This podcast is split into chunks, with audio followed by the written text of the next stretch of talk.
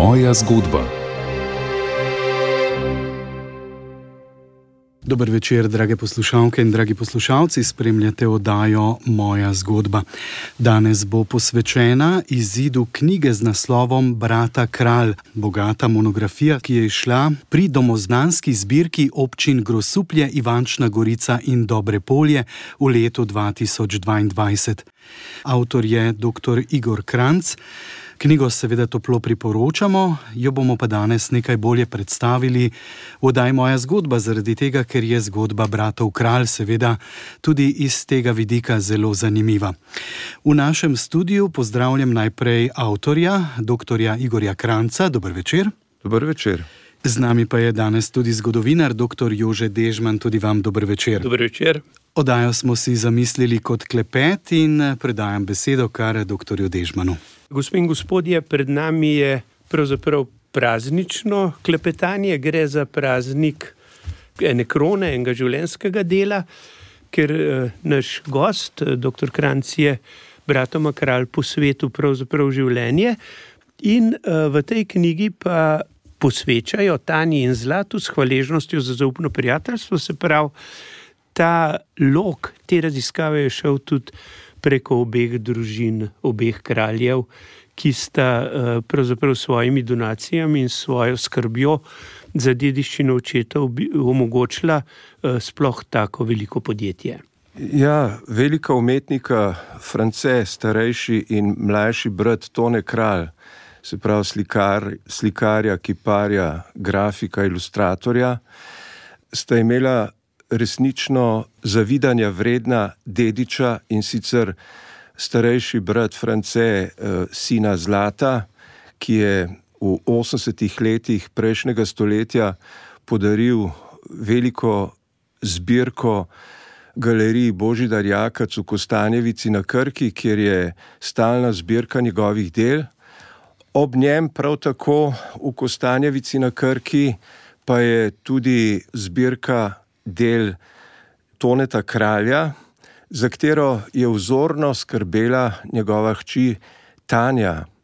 In imel sem srečo, da sem z obema dedičema navezal zelo tesen, dolgoleten stik in imel priložnost iz prve roke dobiti marsikatero informacijo, kar zadeva umetniško pot obeh bratov, prav tako pa tudi sem zvedel marsikaj iz njunega družinskega oziroma njunih uh, intimnih življenjskih okoliščin.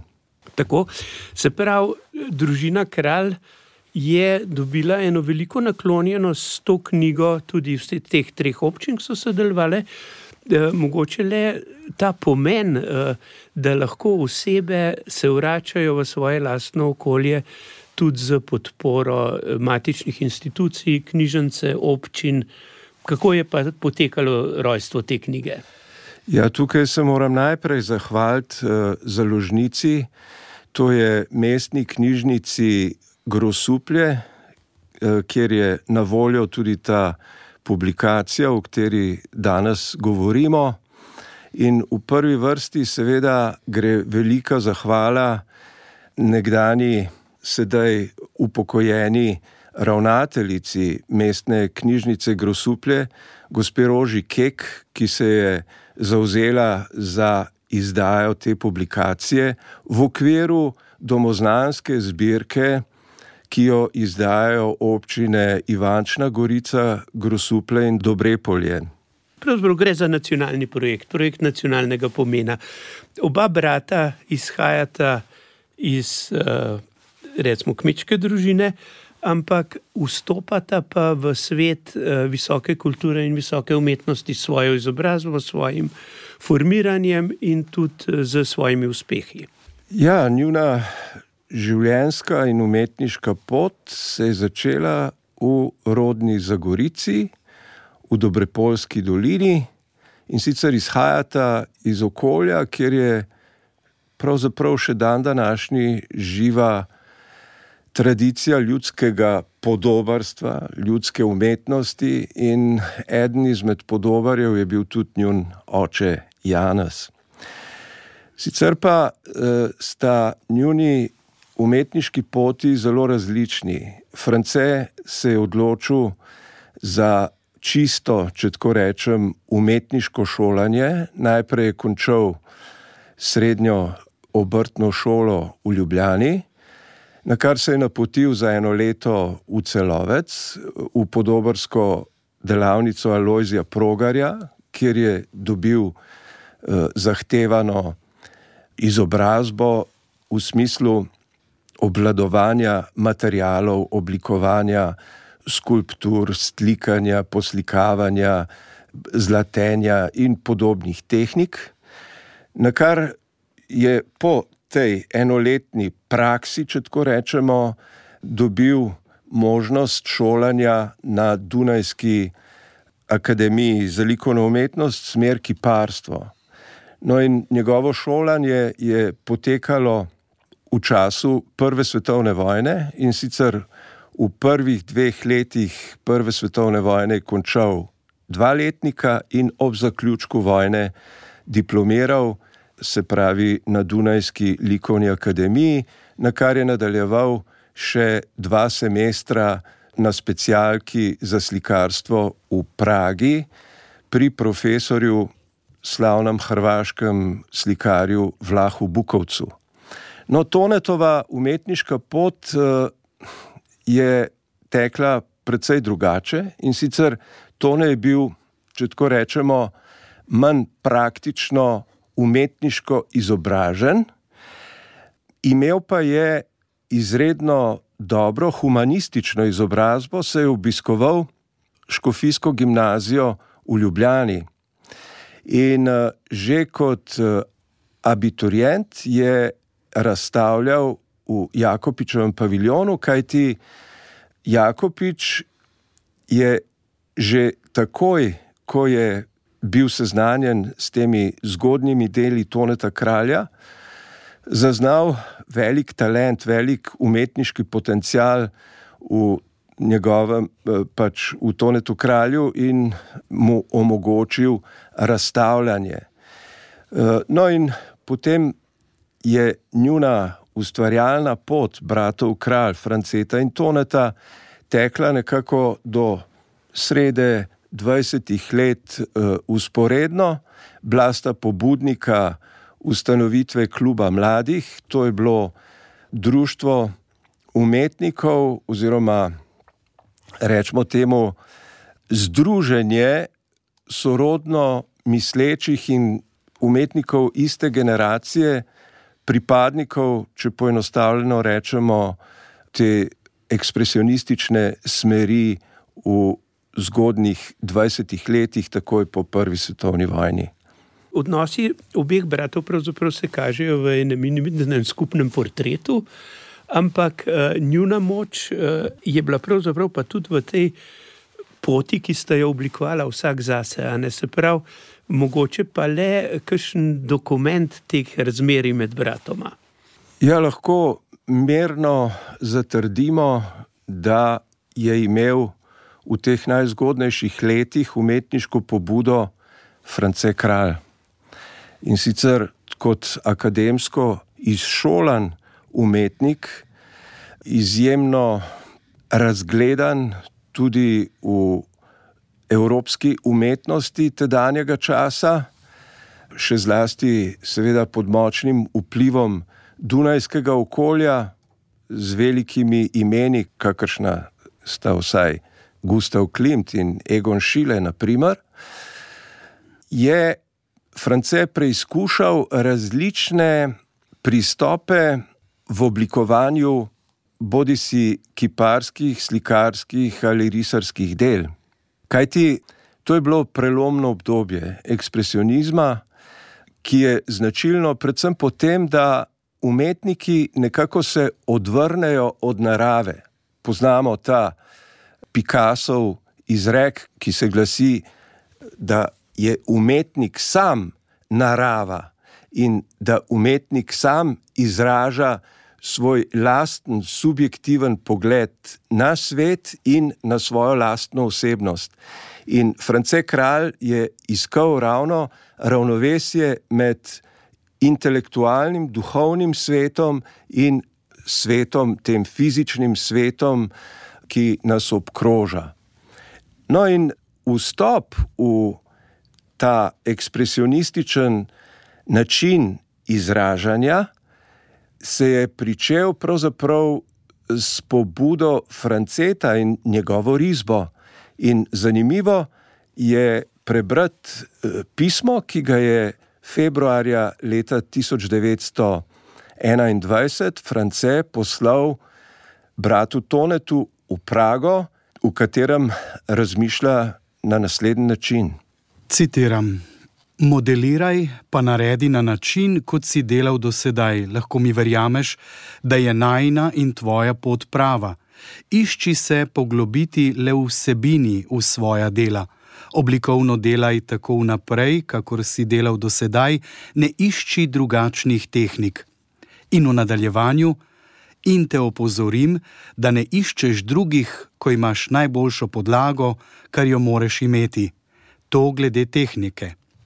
Vsebinsko si postal zadnje čase v marsičem površen.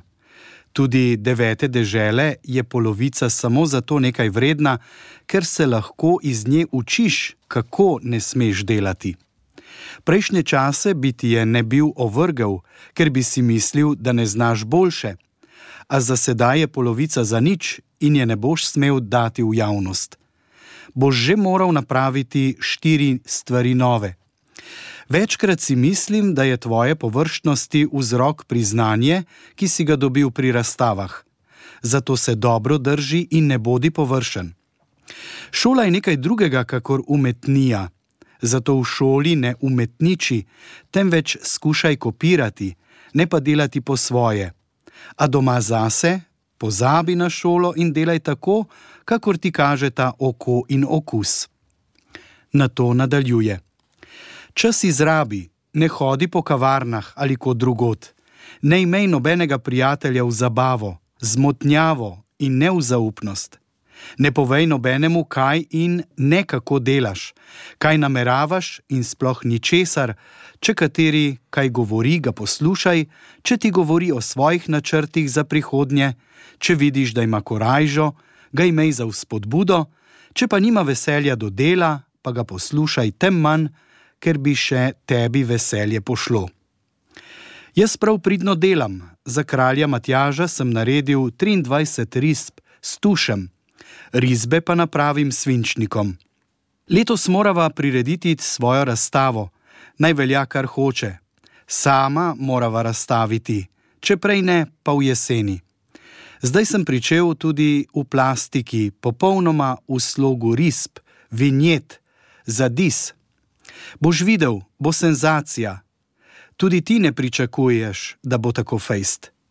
Napravil sem danes pol metra velik relief s tremi ženskami.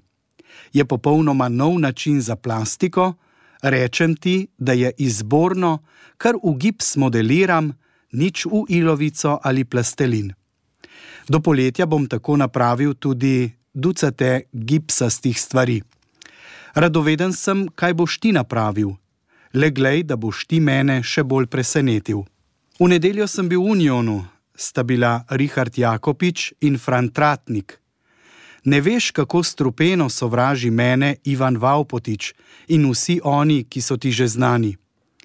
V nedeljo je bila seja Narodne galerije, a je bila nesklepčna in bo še enkrat. Zaradi moje Marije so se dajali, da je bilo joj. Vaupotič je napisal osem pol proti nakupu. Ko odločijo, ti precej pišem, ali jo vzamejo ali ne. Pri gledališču sem tudi av z zaupanjem. Oni umetniški večer v Narodnem domu je priredilo Združenje gledaliških igralcev. Vidiš, name se še spomnili niso. Oprema treh dvoran jih je stala 100 tisoč kron.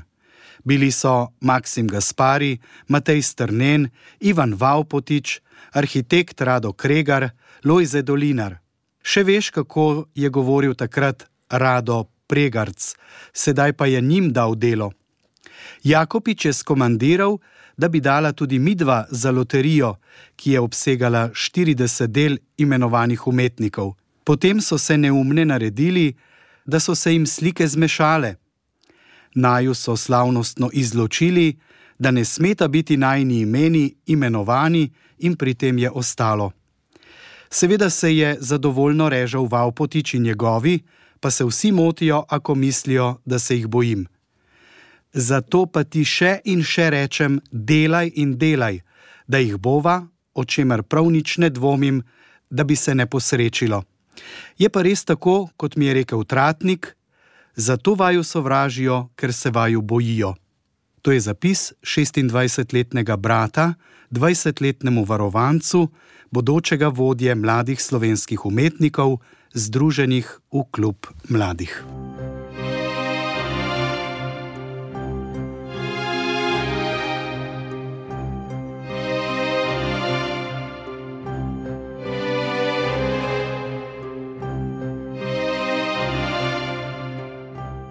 Poslušate radio Ognišče, oddajo Moja zgodba.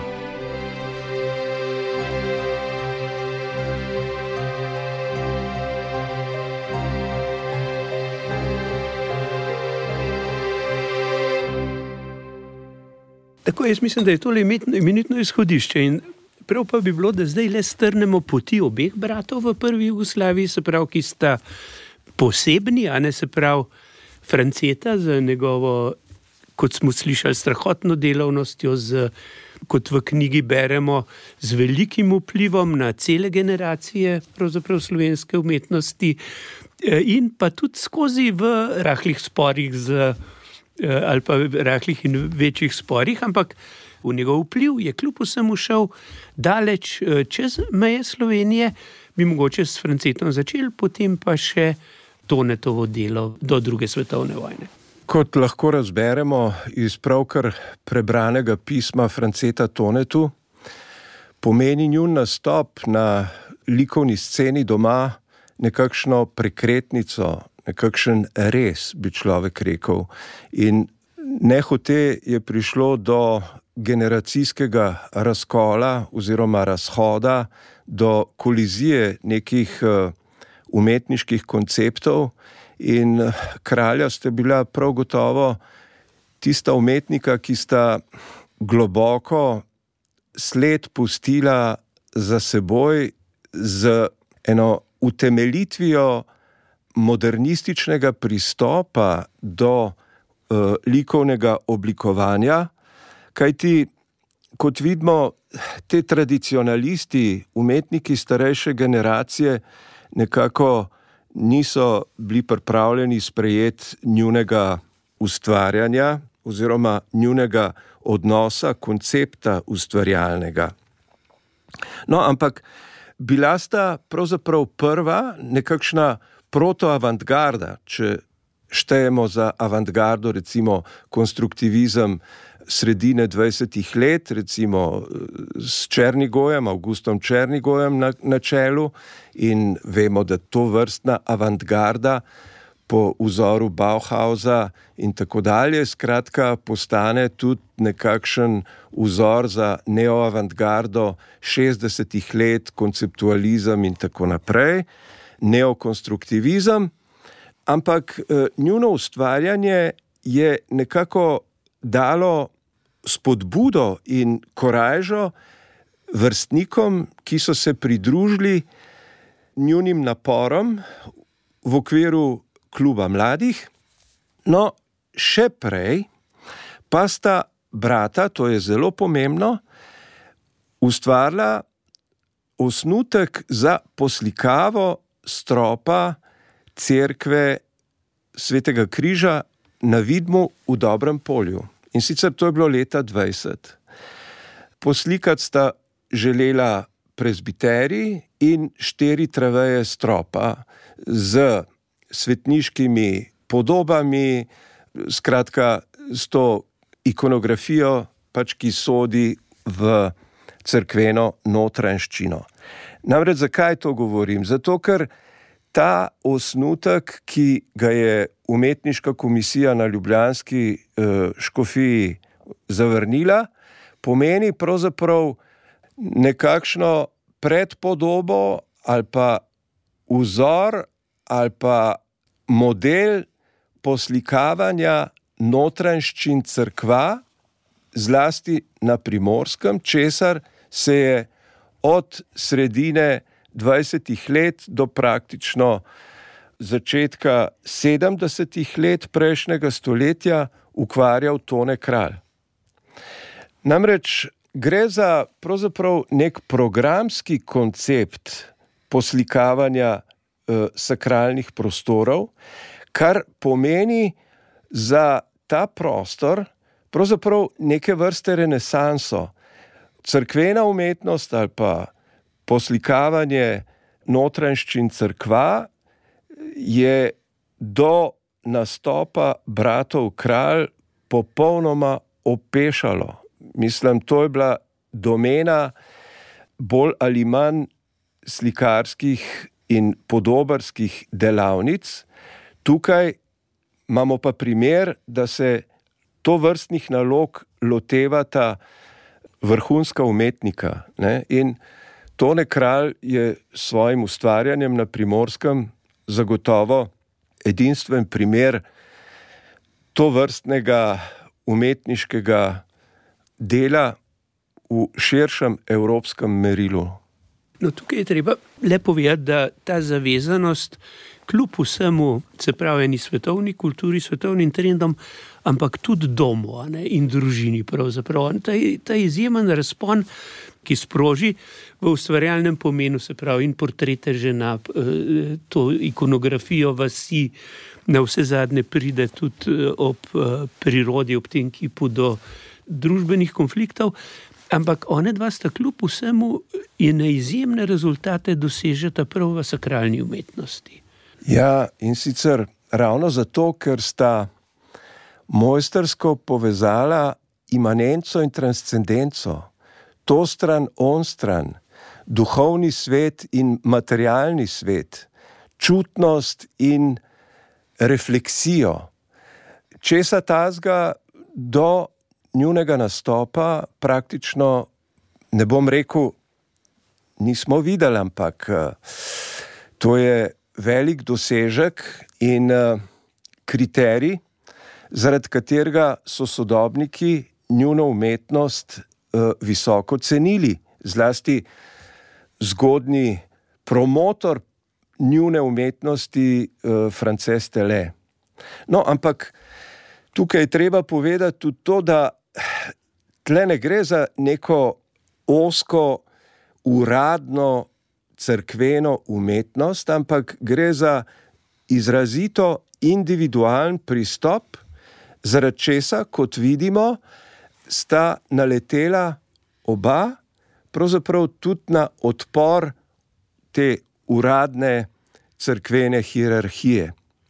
Kaj ti tvegano je bilo verjetno za nje sprejeti uh, neke, neke pristope, ki, če damo v narekovaj, niso še bili preizkušeni, kar je bila popolna novost. No, in uh, prav ta individualen pristop in to, kot omenjate, portreti uh, bližnjih, izražanje, bi rekel, neke neke svoje izvorne identitete v smislu kmetstva, pa ne v smislu nekega ruralizma v, v, v ideološkem smislu, ampak tega intimnega stika z okoljem, z zemljo, če tako rečemo, kot nekim izhodiščem človekove eksistence, kot nečem, iz česar rastemo, to sta brata vse čas nosila v sebi in izražala skozi svojo umetnost, in nikoli nista zatajila te svoje prvinskosti, te svoje pravzaprav navezanosti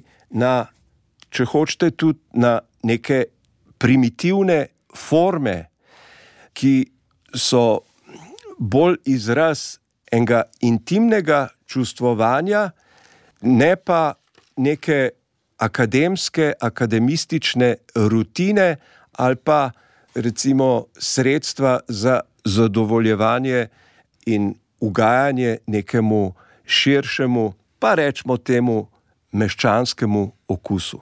No, eh, v tem eh, razponu, ne med vstopom v ta visoki, recimo, novi jugoslovanski prostor, med, eh, kljub vsemu odmevi po Dunaju in drugot, pa pride dogodek z prirodo. To je kip, ki nedvomno je, se pravi, meni srčno ljuba. Se pravi, ženska, otrok, žito in kravca. Se pravi, in ta kompozicija. Ki je res uh, iztrgana iz srca ne, in zemlje, je sprožila tak bes, da so jo progresivci, ki moram reči, da so po formi menti spodobni telim našim sedanjim, so jo gladko uničali. Prisluhnimo citatu iz knjige. Uničenje kiparske kompozicije Kmečki motiv postavljene v javnem parku pred Narodnim muzejem v Ljubljani leta 1939, strani njegovih nasprotnikov posmehljivo naslovljen simbol slovenske žene, ga je zelo potrlo in rekel je, da je to dejanje tipično za malomeščansko sredino. Pričakoval je, da ga bodo branili vsaj simpatizerji njegove umetnosti, pa so se zelo previdno odmaknili. Ja, eh, to skulpturo, ki jo je France Kralj naslovil Kmečki motiv, gre za kiparsko kompozicijo, ki je sestavljena iz matere z otrokom, ob otroku prižema na svoje prsi še žitni klas in objema glavo krave. Se pravi, to je kmečki motiv, plastika, ki je sprožila leta 1939 uh, strahovit plas uh, odpora, kar lahko umestimo pravzaprav v zeitgeist tedanje Evrope. Spomnimo se samo, kaj se je dogajalo v Sovjetski zvezi, recimo z umetnostjo, avantgarda je bila že 15 in več let praktično anatema. V sponu je bil in v razcvetu socialistični realizem, ki je bil nekako formalno ustoličen leta 1934 na nekem partijskem kongresu v Harkovu v sedanji Ukrajini. No in uh, seveda nacizem s svojim, svojim preganjanjem modernistične, oziroma oni so rekli, izrojene umetnosti, entarte te kunst po nemško. No, in za to okolje, kot vi pravite, progresivcev, oziroma tistih umetniških krogov, ki so se navezali na tedaj aktualen trend, bodi si nacistične, bodi si socialistično-realistične umetnosti, je bila to vrstna eh, eksplikacija recimo nekega kmečkega motiva popolnoma nesprejemljiva in so jo naslovili v neki kampanji, v časopisu zlasti jutro, kot uh, spomenik slovenske žene, čež da slovenska žena pa že ni taka spaka, da uh, uh, si zasluži nek veličasten spomenik in tako naprej, ne pa eno tako modernistično, čudno kompozicijo. Ne? In sledilo je poškodovanje, z nekimi kladivi so se lotili samega kipa, odbijali nosove in, in rogove, in tako naprej, polivali z nekimi katrani, črnili in napisali gor tudi določene transparente, celo svarilom, kukar, no, vidite, mojster, kralj, ne, uh, temu čemu ste zdaj priča, ne, lahko pa sledijo še hujše sankcije. No, in te sankcije so tudi nekako prišle. Ampak ne.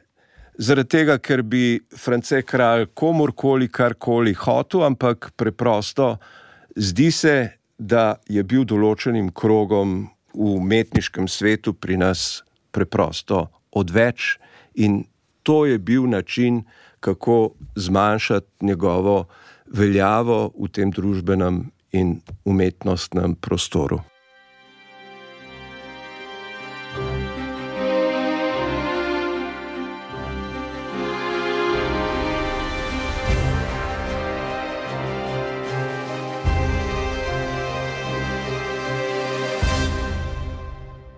Spremljate oddajo Moja zgodba, govorimo o monografiji brata Kralj ki jo je zapisal dr. Igor Kranc. Knjiga je šla pri domoznanski zbirki občin Grosuplje, Ivančna Gorica in Dobre polje v letu 2022.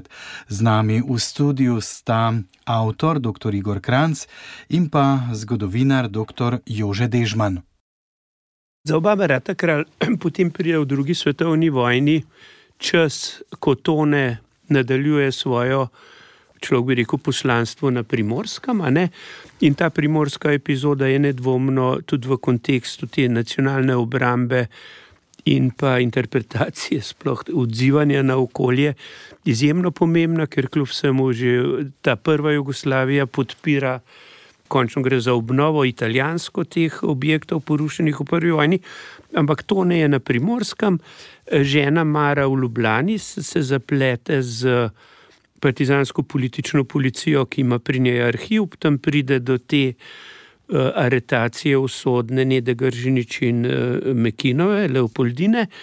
In uh, tukaj pravzaprav to je popoln zlom uh, partizanske organizacije v Ljubljani sledi iz tega. Ne? France pa živi svoje življenje, se ne upleta, ampak kljub vsemu pa oba brata padeta v en ta povojni vakum. France z izrazito obsodbo kot uh, kršitelj kulturnega moka, tone pa z prepovedjo, pravzaprav ali pa z zamrznitvijo crkvenih naročil. Se pravi, za oba brata je nastopila pravzaprav, jaz včasih pravim, rdeča ledena doba.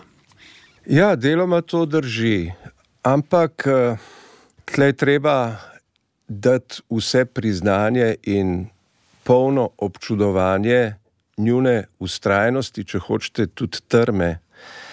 Neverjetno je, se to se da prebrati eh, tudi v tej moji monografiji o obeh bratih, kako trdoživo se je Frances popadal in boril eh, s tedanjimi oblastmi, s to represijo, ki je pravzaprav z nekimi načini onemogočanja osnovne, osnovnega preživetja skušala umetnika praktično utišati. Ampak to ni uspelo, kajti Francetov opus se je po letu 1945 še kako povečal in lahko zatrdim, da velik del takrat nastalega gradiva je še vedno skrit javnosti in čaka na neko uh, strokovno obdelavo, kar se bo nedvomno v prihodnosti moralo zgoditi. Njegova pot je bila res tragična. On je bil profesor na srednji tehnični šoli v Ljubljani, najprej na oddelku za keramiko od leta 25 do leta 30, na kar leta 32 naredi profesorski izpit in je profesor na srednji tehnični šoli na oddelku za kiparstvo in skozi to njegovo šolo praktično grejo vsi kipari in veliko število slikarjev in slikark ne, in keramičark, recimo Dana Pajnič, Mara Kralj, Zdenko Kalin in tako naprej. To so bili vse njegovi učenci. No in seveda 45 leta eh, oblast preprosto ukine to šolo in France Kralj kot profesor z 20-letnim stažem je tako rekoč na cesti. No, zdaj, glede toneta, je pa le treba reči, ne, da ta njegov veličasten opus od leta 26, pravzaprav se je vse skupaj začelo v njegovi Dobrepolski dolini oziroma sosednji Struški dolini, v Strugah pri Fari, je poslikal leta 26 notranščino cerkve svetega Augustina in umetnostni zgodovinar oziroma kritik Marjan Marolt je te njegove poslikave publiciral v tedajni publicistiki, v tedajnih revijah in časopisih in pritegnil pozornost primorske duhovščine, ki je videla v tem tonetovem sakralnem slikarstvu neko možnost uveljavitve slovenstva na primorskem in od uh, vabila v Volče na Tolminskem pa do,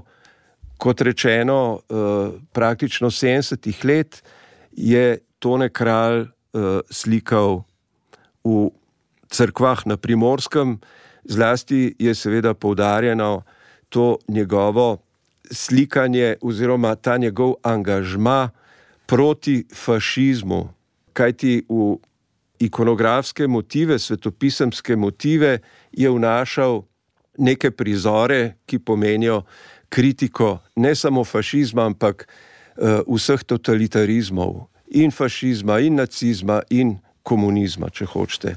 No, in po vojni tone kralj nekako ni takoj ali pa dolga desetletja ni dobil priznanja za ta svoj prispevek v boju za ohranitev slovenstva na primorskem. Do sredine 50-ih let praktično je bila njegova eksistenca na podoben način ogrožena kot eksistenca njegovega starejšega brata Franceta. Ampak stvari so se potem po sredini, od sredine 50-ih let začele nekako boljšati. Usporedno s popuščanjem tega totalitarnega primeža povojne, pač revolucionarne oblasti.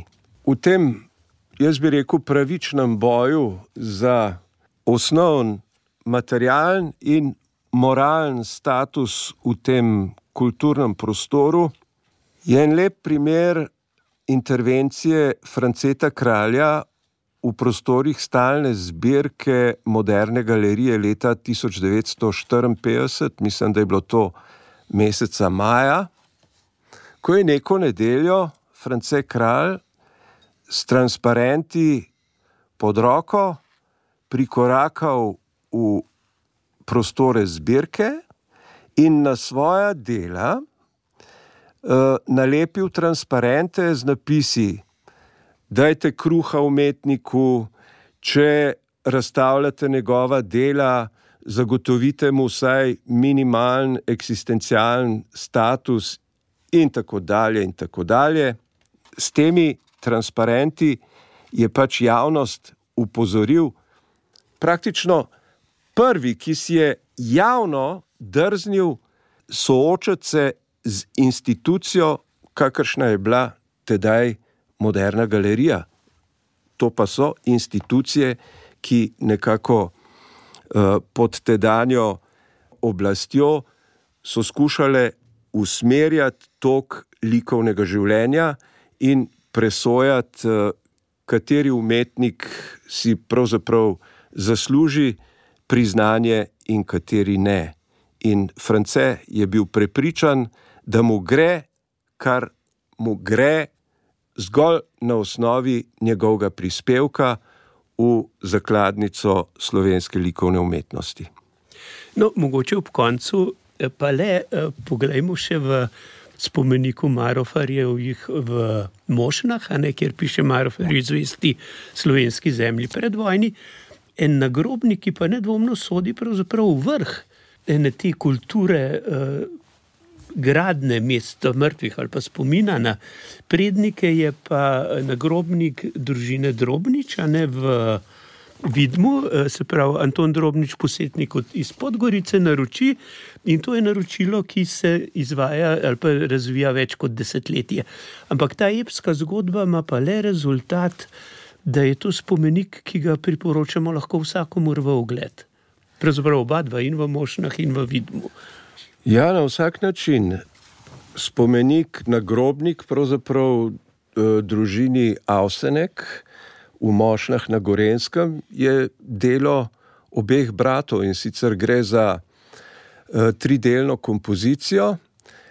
Sredi te tridelne kompozicije je ustali Kristus, uh, skulptura oblikovana v marmorju, delo Toneta Kralja iz leta 1921, na levi in desni strani pa sta uh, figuri ravno tako oblikovani v kamnu, Franceta kralja in sicer sejalec in žanjec. Skratka, gre za eno tako zaključeno kiparsko celoto, ki prav gotovo po svoji sporočilnosti in bi rekel formalnih značilnostih eh, kiparskega dela izstopa med eh, mnogimi uh, nagrobnimi spomeniki. No, in v to vrsto izrazito inovativnih nagrobnih spomenikov pa sodi prav gotovo omenjeni spomenik družini podjetnika Antona Drobniča iz uh, Dobrepolja, Francetovega mladostnega prijatelja, ki ga je pričel umetnik delati leta 1943, končan je bil pa v tej podobi, kot jo vidimo danes, na Dobrepolskem pokopališču leta 1954. Zaradi pač omenjenih okoliščin, ki, ki sem jih navedel, so se dela zavlekla. Gre pa za izredno strukturirano kompozicijo in sicer za polkrožen relief dimenzij 3 metre v širino in meter in pol v višino, z desetinami, celo stotinami portretnih glav, ki sestavljajo sožitje med nebom in zemljo, med živimi in mrtvimi, med duhom in materialnim svetom.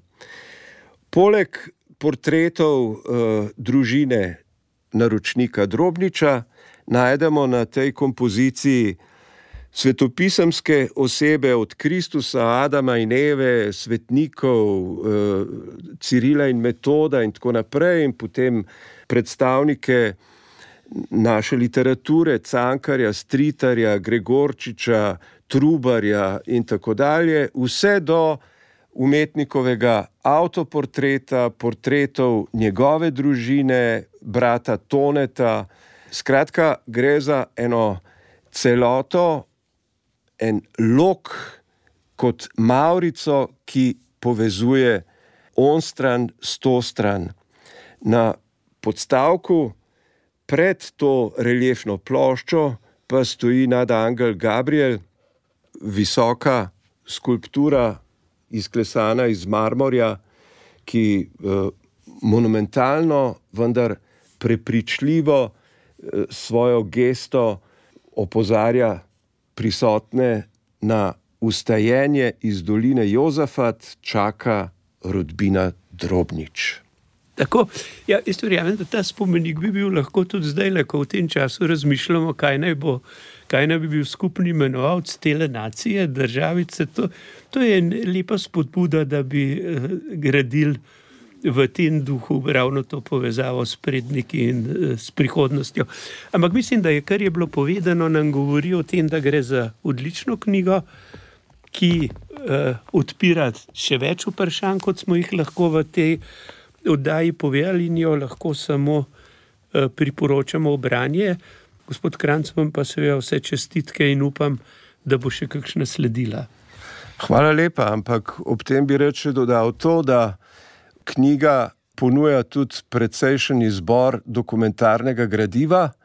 Z njim sem poskusil pa doseči travm to, da ne govorim o umetnikih samo jaz, ampak predvsem, da umetnika sama spregovorita čim bolj jedrnato o sebi, o svojem življenju in delu. Tako, drage poslušalke in dragi poslušalci, to je bila današnja oddaja Moja zgodba, posvečena bogati monografiji z naslovom Brata Kralj. Dr. Igor Kranc je njen avtor, išla pa je pri domoznanski zbirki občin Grosuplje Ivančna Gorica Dobre polje v letu 2022 in jo lahko naročite pri knjižnici Grosuplje. Obema današnjima gostoma, dr. Igorju Krancu in pa dr. Jožetu Dežmanu, pa hvala lepa za obisk v našem studiu in lahko noč. Lahko hvala, noč. lahko noč.